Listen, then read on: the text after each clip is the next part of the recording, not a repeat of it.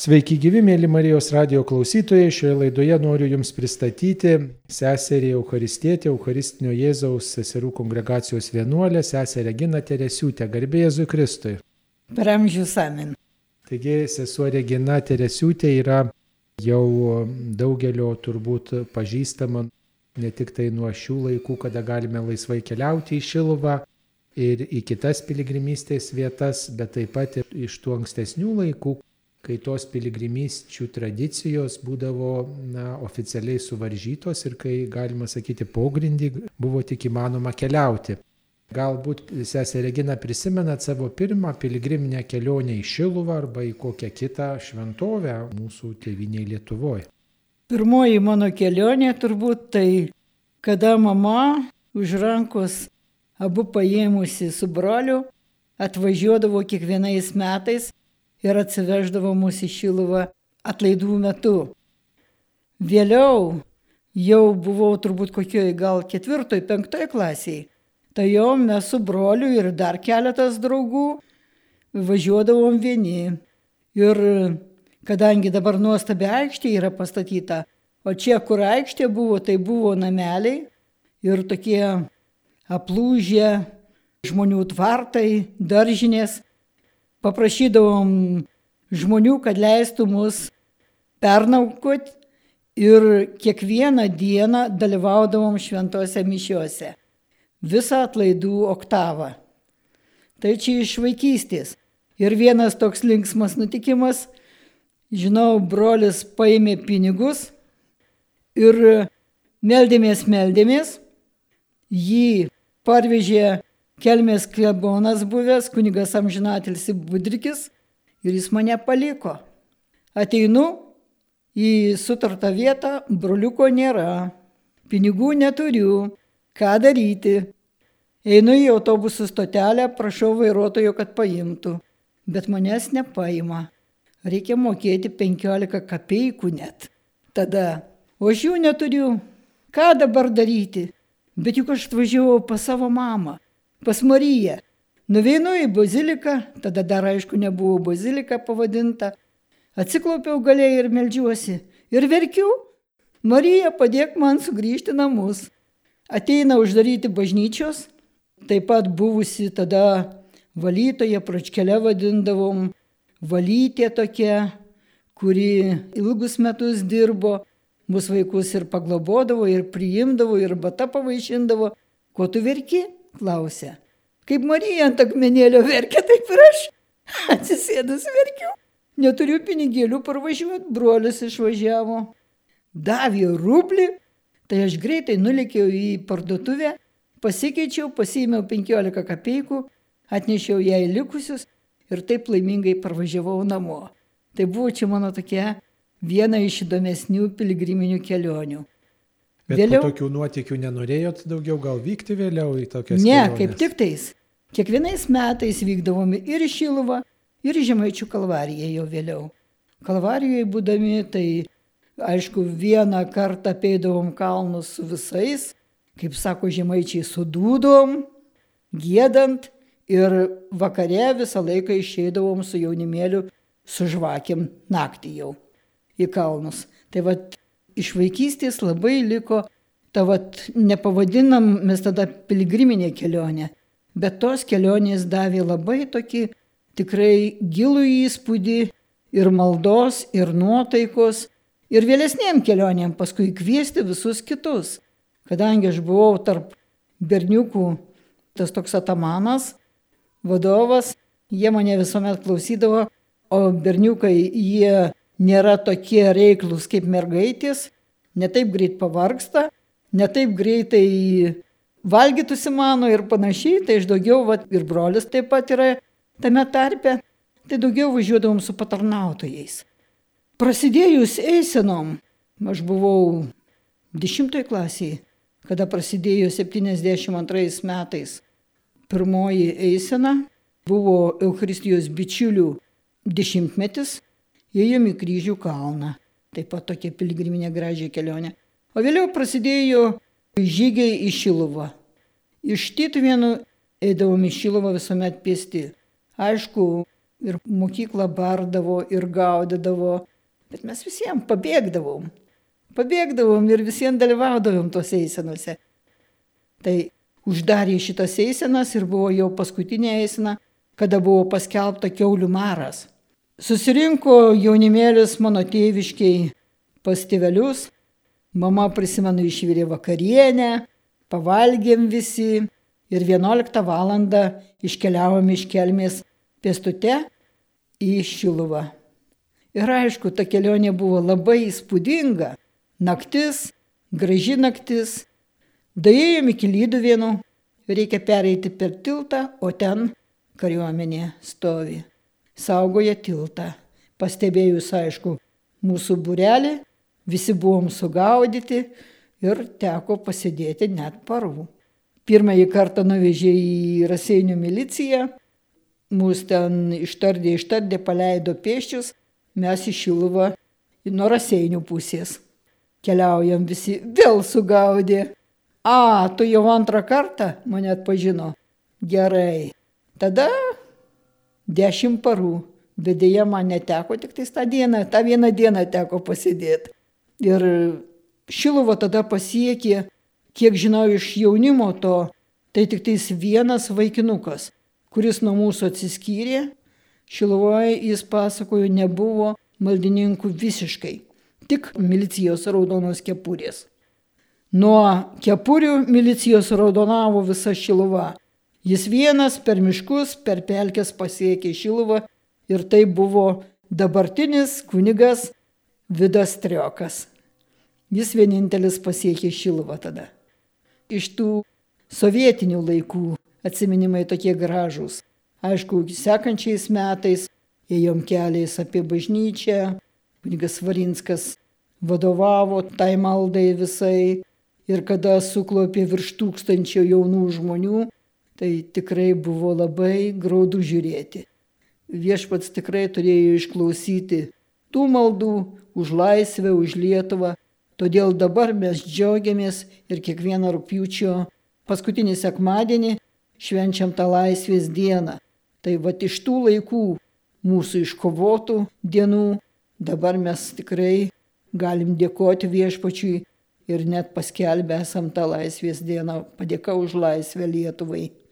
O ar dabar žmonės štai pasinaudoja tą galimybę atvykti į Šiluvą, gal tada tais laikais buvo toks tas tikėjimas, na, kaip sakoma, stipresnis, kai jis susiduria su pasipriešinimu, su tokiu atmetimu, kai tada negalima oficialiai vykti, tada kaip tik vat nori žmonės, kaip sakoma, uždrastas vaisius yra saldus.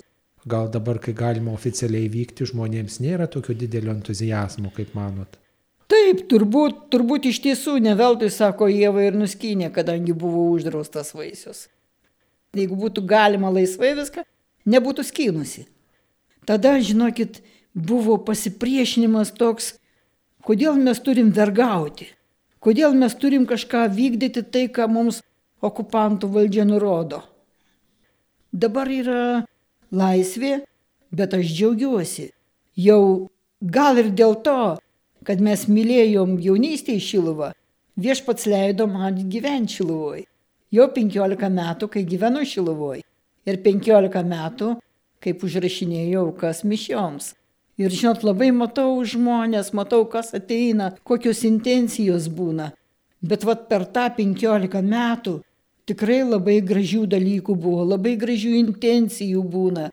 Už Lietuvą, už Lietuvos jaunimą buvo labai graži intencija už kunigus ir vienuolius, kad jie būtų šventi.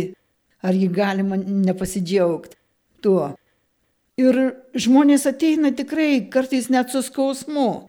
Tokių atvejų yra buvę, kad ateina moteriškė su vyriškiu, matosi šeima, ir pradeda verkti iš karto.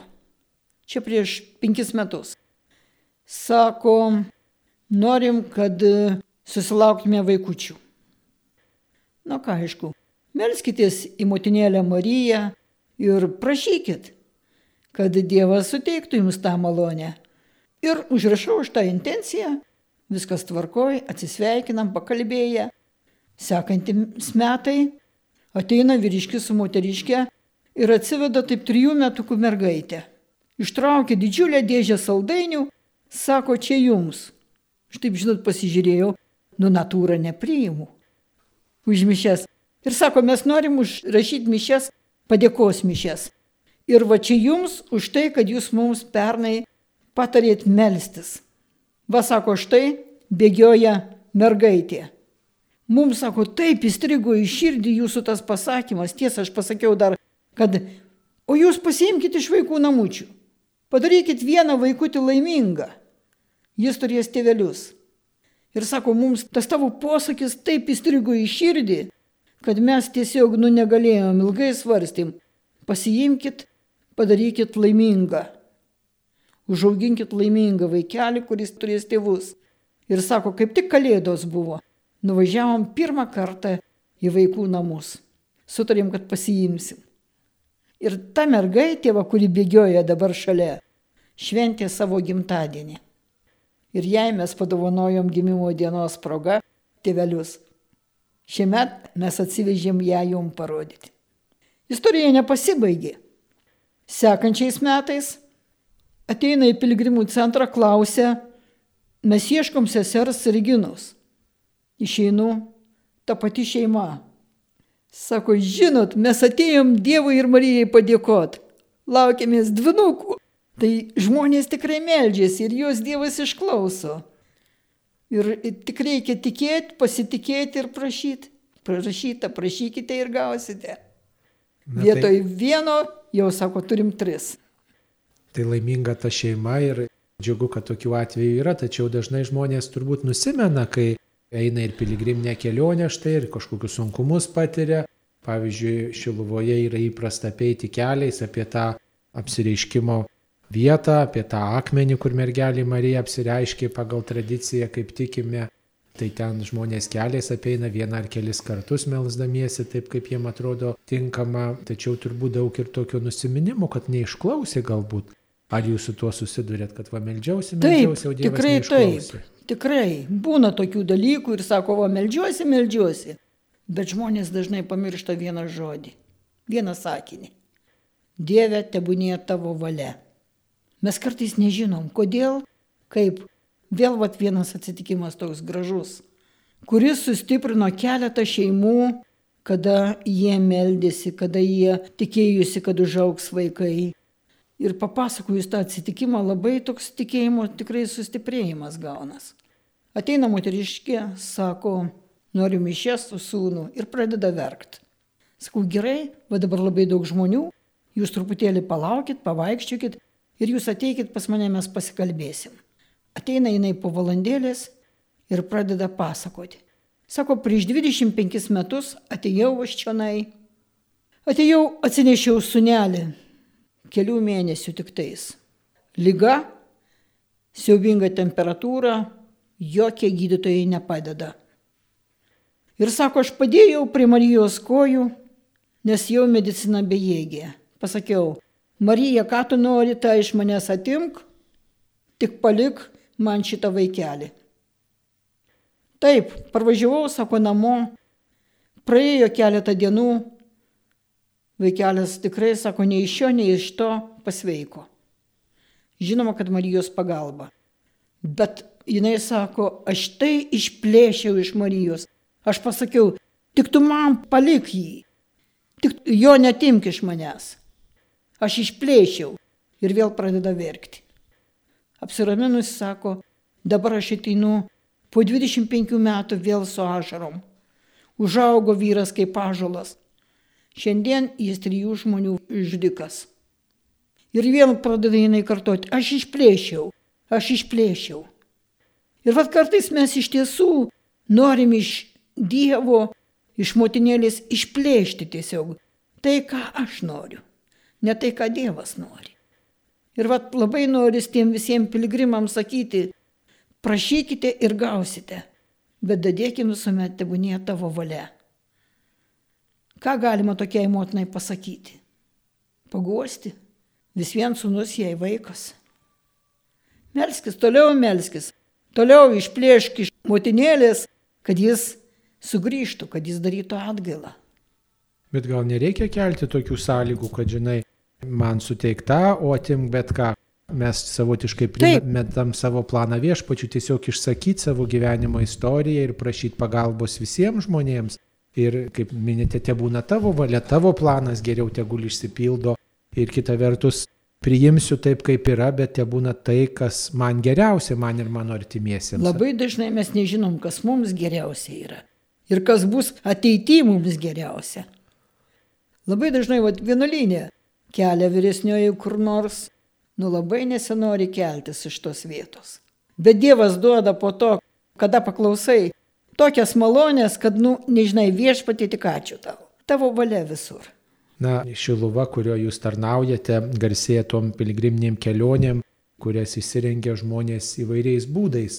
Seniau eidavo pėsčiomis ir jūs pati pasakojat, kad eidavot pėsčiomis nuo Tytuvenų ir nuo Raseinių tikriausiai esate atėjus ir nuo kitų taškų, tačiau daug žmonių šiais laikais neturi tos tokios galimybės galbūt arba nemato prasmės, kam čia eiti pėsčiomis. Atvažiuoja su automobiliu arba su autobusu ir tai irgi vadina piligriminė kelionė. Tai tada tų sunkumų tarsi ir nėra, ir nėra tos gal tokios maldos, tos bendrystės dvasios, kuri patiriama einant pėsčiomis, to nuovargio, tos tokios nuotaikos kaip einant pėsčiomis, vykstant tam tikrų transportų. Ar tai irgi galima laikyti piligriminėm kelionėm tokias keliones, kai važiuojama automobiliais, autobusais? Taip, iš tiesų ir mes patys, žiūrėkit, skrendam lėktuvu, užsisakom geriausius viešbučius ir mes laikom kažkokie tai, va mes piligrimai. Galbūt tas 21 amžius, tas skubėjimas visas. Piligrimystė turbūt yra ne tik vienėjimas, bet atsisakymas kažko, sugrįžimas į save, sugrįžimas į kitą žmogų, apkabinimas vienas kito, pabuvimas su vienas kitu. Aš manau, kad žinokit, ir jiems teikia džiaugsmą, jeigu kažkur tai yra aukos truputėlį. Juk galima ir mašiną nuvažiuoti, bet kažkam paukoti auką kažkokią, padėti kažką tai, susitikti, pabendrauti, paguosti taip pat yra piligrimystės dalis. Na, jūs taip pat piligrimystėse dalyvavote ne tik į Šiluvą, bet važiavote į tas vietas, kuriuose kalėjo palaimintasis Teofilius Matuljonis ir kiti mūsų tautiečiai. Galbūt tą pačią progą prisiminkite ir tas keliones, kurias taip pat galime pavadinti piligriminėmis, nors ten važiavote ir traukiniais, ir autobusais, ir kitom priemonėm. Turbūt mes aplankėm tas vietas, kur jau nepasiekia kartais nei lėktuvas, nei traukiniai. Važiavom savo mašinomis ir padarydavom netoli 7-8 tūkstančių kilometrų. Tai buvo ir Solovkai, kur palaimintasis Teofilius kalėjo 2017 metais, paskui vėliau 2018 metais. Taip, ten, ten nenuvyksi pėsčiom, bet yra kitas dalykas - pamatyti tų kalėjusių žmonių dvasę visą, pabūti tose vietose, pamatyti tas grotas, pamatyti tos kalėjimus, tas sienas ir išgyventi visą šitai vėl sudaro savotišką džiaugsmą. Ypatingai, kada mes aplankėm Vladimiro kalėjimą, Potmą, sutikom gana nuostabių žmonių, kurie mums padėjo. Ir net jiems kalbėjom apie Matulionį, kalbėjom apie viskupą Reinį, kuris Vladimiro lagerį nukankintas. Jiems buvo nesuprantama, kaip galima šitokius tolius važiuoti dėl to, kad kalėjimą pamatytum ir dar į vidų neįleistų. O galbūt net tos vietos nesurastum. Bet vis vien va žmonės, ypač jaunus žmonės, labai džiaugiuosi, kad kunigus jaunus labai traukia. Mes vėl keliausim, norim dirsytis, kalėjimo vietas aplankyti, turim tikrai labai daug kentėjusių, kurie tikrai yra kankiniai ir juos iškart būtų galima laikyti jau ne tik palaimintaisiais, bet ir šventaisiais. Ir jie savo tą dvasę, savo tą kančią perteikia atvykusiam žmogui, kada mes galim paskui vėliau dalintis ir su jaunimu, ir su kitais.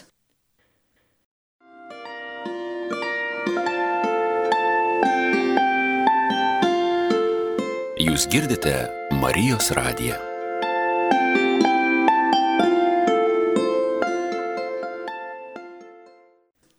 O tos kelionės, štai buvimas tose vietose, kur kentėjo mūsų šventieji, mūsų tautos iškilus tikėjimo vyrai ir moteris, buvimas tose vietose ar nepriartina mums jų dar labiau, ar jie netampa mums dar artimesni? Taip, tikrai taip. Aplankius Solovkus, ypač Abizės salą ir Anzer salą, kuriuose aš pamačiau, vat, kaip jie, kokiom sąlygom buvo. Ypač Teofilis Matulionis man pasidarė, aš kitaip nevadinu, kaip mano draugas. Tenka važiuoti pro Kaišėdoris, tai būtinai turiu sustoti pas savo draugą. Jis man pasidarė tikrai labai labai artimas. Ir vėl būtų galima kalbėti ir kalbėti, kokius daro stebuklus jisai. Bažnyčios užrakintos, privažiuoji prie bažnyčių jos atsidaro. Įtikėti negali, kol nepamatai. Teko klerikų būrelį vežti. Žinokit, sako, jeigu tu būtum mums pasakojusi, nu nebūtumėm tikėję, kad taip yra. Prilėkė moteriškė su mašina, nei iš jo, nei iš to ir klausė, jūs į bažnyčią norėjote įeiti. Nu taip, norėjom. Atrakina, pasimeldžiam varaklenuose. Pasimeldžiame, užrakina ir vėl kažkur dinksta. Ir tai, kad būtų vat atvažiavo gėlės pakeisti, dar kažką tam bažnytėlę patvarkyti. Tada suprantama. O gal netoli gyvena ir per langą stebi, kas čia. Bet su mašina nevažiuotų. Na, tai aišku, visada norisi tokių dar, kaip sakyti, stebuklų, kurie būtų naudingesni, ar sveikata sugrįžtų, ar ten, nu, dar kažkas, dėl ko labai pergyvenu, kokia nelaimė grėsia, kad ji pasitrauktų, dar kažkas susitvarkytų, žinot, žmonės labai tokie esam savanaudžiai, Taip. ne tik tai tokių to norim lengvų stebuklų, tarsi kurių galėtų ir nebūti, bet tokių, kurie mums gyvybiškai gal reikalingi. Va.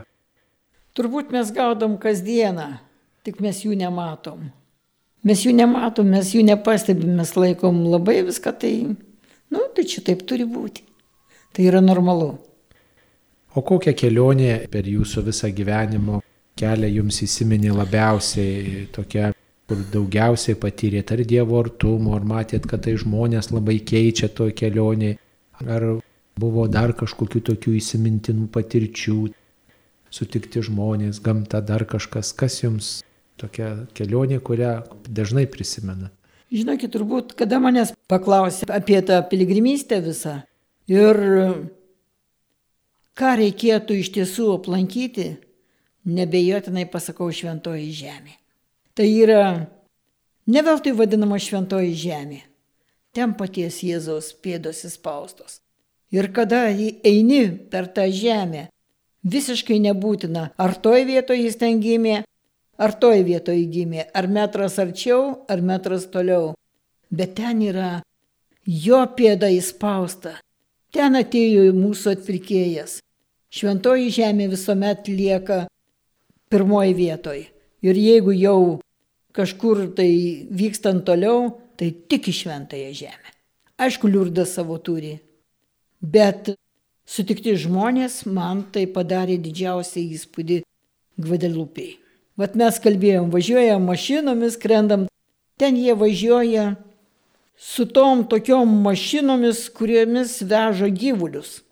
Paliktas mažytis tarpelis, kad gyvulėliai nenutrokštų. Ir jie važiuoja po 2000 km.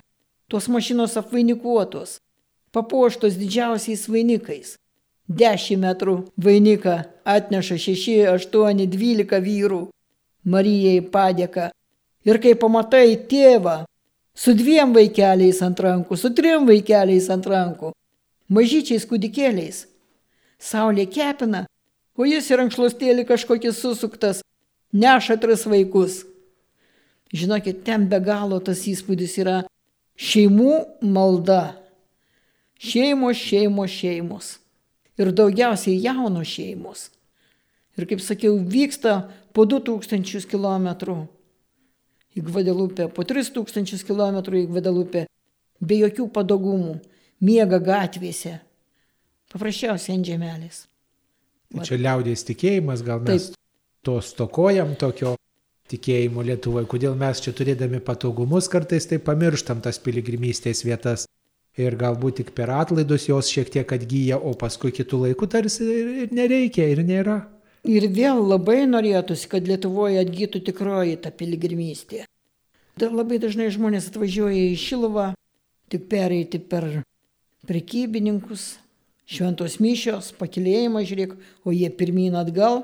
Atėjau, užrašiau, kaip sako, užpirkau mišes, keliais būtinai apie jo apie akmenį ir viskas. Bet labai noris to, kad nepasibaigtų vien šito. O ko dar reikia? Kad būtų tikrai vat, piligrimystė, aš turiu pirmiausiai apsispręsti keisti savo gyvenimą. Pagalvoti iš Atgaila, išpažintis, šventos mišios. Šitie dalykai, kurie yra patys brangiausi žmogui, nenuperkama kuriuos. O mes labai dažnai numečiau ten kažkiek už mišes, tegul meldžiasi jie. Bet kad šito nebūtų. Ir vėl, kadangi mes gyvenam tą tokį perteklių, nors sakom labai blogas gyvenimas, ir man blogas gyvenimas.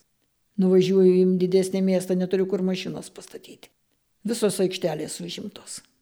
Tai va iš to tokio blogo gyvenimo nebegalim, žinot, pajusti to džiaugsmo, aukos, kančios, kad ir to paprasčiausio permygojimo ant žemės kažkur. Bet vat šitas daro žmogų laimingą. Žiūrėkit, jeigu mes kažkam padarom kažkokį gerą ir gerą pačiam širdį. Jeigu padariau blogą, aišku, vakarė greužė vis vien, kodėl taip reikėjo padaryti. O kaip jaunimui tą tokią nuotaiką perteikti, kad turėtų tokios aukos dvasios, kad turėtų tokio ištikimybės, kantrumo, nu va kaip išmokyti to, kai dabar tie patogumai, tas gerbuvis ir visi nori ir tos piligrimystės tokios patogios, ar ne, ir to atsisakymo, pasiaukojimo. Sunkiau prašyti, reikalauti, kažkaip kitaip į tai kviesti, kaip išmokyti tuos žmonės. Jaunimas mėgsta, žinokit, šitai. Ir aš pati dirbu su jaunais žmonėmis, su mokiniais, su šauliais. Jie mėgsta va tas piligriminės kelionės, bet turi matyti tavo pavyzdį. Jeigu tu važiuosi tik su mašina, o juos varysi pėščius, aišku, čia nebus to. Reikia vis tik tais, kad jie matytų ir tavo auką, kad tu su jais kartu eini iš pažinties, kartu meldiesi, kartu kažkokią auką padarai, net nerodydamas. Jaunimas moka stebėti šalies labai, kopijuoti. Žiūrėkit, tose šeimuose, kur yra malda, kur yra auka, kur tėtis mamą myli, apsikabina ten ir vaikams. Viskas tvarkoji. Bet mes turim e, tokių daug šeimų, kur nemyli, tėtis mamos neapsikabina, kur tėtis užtat, nelanko užtat, nei bažnyčios, taip. nei tas piligrimystės eina ir tada kaip tam vaikui eiti. Čia ir yra atrasti. didžiulė, didžiulė skaitusi atsakomybė tikybos mokytojams ir jauniems kunigams. Jeigu vat jaunas kunigas kur nors parapijoje savo vaikus mokyklą uždega, ateina būreis stebėjau. Buvo katalikiškų mokyklų diena. Labai buvo gera stebėti, kaip ateina mokytojai, ypatingai vyrai. Mums reikia vyrų, nes mes nebeturim šeimoje tėvo, nebeturim šeimose tos jėgos pozicijos, kuri apglėptų, kuri apgintų. Motina yra ta meilės liepsnelė, jin paglosto, jinai nuramina, jinai ašarėlę nubraukia. Tėvas apgina tvirtą žodį griežto pasako. Atsistojo tikybos mokytojas. Vaikai dabar visi tėvė mūsų sukalbam. Padėkojam Dievo motinėliai už tai, kad jinai mums davė Jėzų. Ir visi, kai plūstelėjo tėvę mūsų sveika Marija, buvo miela žiūrėti. Va tos mokyklos, kurios turi dar tikybos mokytojus, kurios turi mokytojus tuos, kurie patys turi tikėjimą, Žinokit, apie tai daug nereikia kalbėti. Tik įsivesti. Žinau, aš vat su savo mokinukais ir važiuodavom į onkologinės ligoninės pas vaikučius. Bernai, kaip žinai, dvi metriniai įsitempia ant grindų, o tie mažučiai vaikai lipa ant jų ir šokinėja. Ir visi džiaugiasi. Tie džiaugiasi, kad gali pašokinėti, o šitie džiaugiasi, kad gali kažką gero padaryti. Na. Pavyzdys pavyzdys visada patraukia, o tai jūs tose piligriminėse kelionėse, kuriuose dalyvaujate, irgi stengiatės eiti kartu su jais pėsčiomis ar panašiai. Taip, daugumoje stengiamės, kad ir paeiti, bet e, kadangi šlubakla ir raiša jau, tai kitas dalykas dar yra visuomet, kad būtų saugumas, važiuoja autobusas, važiuoju su mašina dar. Jeigu kokia nors avarija, nelaimė, susižeidimas, tekia yra ir ligoninė, lėkt, vežt, susižeidė, persipjovė koją, tai daugiau jau tokia saugumo sumetimais, kad būtų visuomet šalia mašina ir greitoji pagalba. O kur dabar dar yra planas ar svajonė nukeliauti? Tiek galvojat, kad tos piligriminės kelionės dar tęsis ir... Pagrindinė piligriminė kelionė tai nukeliauti pas viešpatį Dievą, bet aišku, ne visi, kurie po 60 turi, jau nori būti senukai, taip ir pas mane dar. Yra, žinai, daug, daug tokių. Aišku, pirmiausiai tai dabar man tremtinių tos vietos, politkalinių vietos, mūsų šventųjų vietos, visos tos, kurios šiuo momentu negalima. Vyresniojo to brolio. Ypatingai labai galimas dalykas, kad mes nebegalėsime važiuoti, nes ta pasaulio padėtis tokia įtempta yra. Ypač mūsų brolių tų, kurie šitiek metų mus valdė.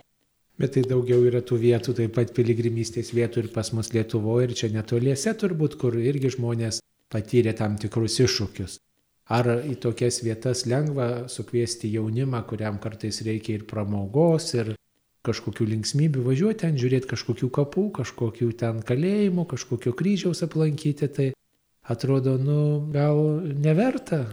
Kaip Žinokit, jeigu jiem tik tais nuvažiuoti parodyti, taip, Bet va jeigu jai pasakysi, kad va važiuojam visi sutvarkyti, kažką tai padaryti, kad jie patys įsijungtų, visuomet su mielu noru. Sutvarkėm čia Šilvoj, yra bunkeriai apleisti. Mėla malonu buvo žiūrėti, kaip tie mokiniai valė, išpjovė medžius, iškirto šabakštynus. Vat jiems reikia veiklos. Tiesiog reikia įjungti, kartu su jais eiti, nesvarbu kur. Aišku, jie žiūri ir mokytojas pats kaip regioja. Eina ar neina. Jeigu tu sakysi, kad vat, vaikai šiandien pasnigas, gal atsisakykime mėsos ir tu valgysi pasislėpęs lašinius, tai aišku, jie tada to netikės. Reikia visur pavyzdžių. Galima Lietuvoje labai daug gražių vietų yra. Ir va taip pat va, buvom panų kalne, ten tam vadinamam, teko patvarkyti. Ir kryžių kalną nuvažiuojam kartais, o tos kryželius sulūžusius surinkti. Ir kartu va praeit kažkokį kelią su jais. Ir kad būtų ta piligrimystė tikroji, nes piligrimystė yra ėjimas. Ėjimas daugiau. Aišku, ir kokiu būdu tu ją atlieki. O kas štai jums tose piligriminėse kelionėse yra svarbiausia, ką jūs ten atrandat ir kaip jos pasikeitė, kai eidavot jauna buvot, kai eidavot maža buvot su savo tėvais ir paauglė tokia. Ir štai dabar, kai esat vienuoliai ir vedate, palydite kitus į vairias piligriminės keliones, kaip keičiasi tas nusistatymas arba tie atradimai, ar atrandat jūs pati ką kaip piligriminių kelionių vadovė naujo vis vien kiekvieną kartą tu atpažįsti save vis kažkokiu kitu kampu. Ir pamatai, kiek Dievo dovanų yra tau duota. Tu privalai jas panaudoti. Kiekvieną kartą atrandi savo kažkokią kertelę, savo egoizmą, savo kažkokį norą slaptą, kuris visiškai nu, nesuderinamas su tavo gyvenimu. Ir man daugiausiai per tas piligriminės keliones Tai būna savotiškos rekolekcijos, kad aš galiu pažiūrėti ne tik tais į kitus, bet kitiem padėti, bet pirmiausiai save pažiūrėti. Ir, ir aiškus tai taisyti tą, vat, kas yra negera tavyje. O išugdot savį kažkokią darybę, kažkokį gražų bruožą, galbūt yra proga tada irgi išmokti aukti kažkokioj geroj savybei. Tikriausiai pirmiausiai tai išmokau dalintis. Dalintis viskuo, atsisakyti savo pastebėti kitą, kad ir paprasčiausiai pasima kažkiek maisto žmonės į kelionę. Visuomet. Ir žiūrėk, šipau tuos savo maišiukus visi, kiekvienas su savim. Nu ir, žinot, paimi savo dėžutę, pereini per autobusą. Va, dabar visiems po mažą gabalėlį tikro kaimiško lašinuko. Vienas dalykas, aš atsisakau pati suvalgyti viską ir, žinokit, pasidalinus, paprastai autobusė jau tokių nebūna, kad būtų po savo tik tašį, kad tik tai savo. Labai va šitas ugdo tokį bendrystės jausmą, atsisakymo savo kažką, pastebėjimą kito. Labai dažnai tenka, kad ir atiduoti geresnę vietą. Gauni vienvietį kambarį kaip vadovas pilgriminės kelionės. Vat gerai, o gal senelis yra koks. O gal žmogus yra, kuris paprasčiausiai knarkia ir neduoda kaimynui miegoti. Žinokit, va, tuos dalykus pastebėti pamatai. Mėly Marijos radio klausytojai, jūs turėjote progą susitikti štai ir pajusti, ką reiškia keliauti piligriminėse kelionėse iš sesers Reginos Teresiūtės, kuri priklauso Eucharistinio Jėzaus seserų kongregacijai. Ir toji kongregacija štai paskyrusi kelias seseris vyskupo kvietimu gyventi Šilovo ir patarnauti čia atvykstantiems piligrimams. Piligrimystė yra visų mūsų gyvenimo dalis, nes visi mes keliaujam pas viešpatį ir visi esam keleiviai ir didžioji mūsų gyvenimo užduotis turbūt panaudoti visas keliones taip, kad mes galėtume laimingi nukeliauti pas viešpatį ir susitikti ten savuosius. Tai visiems laimingų kelionių, tegul jos mus visos tos kelionės veda pas Dievą. Ačiū sudė.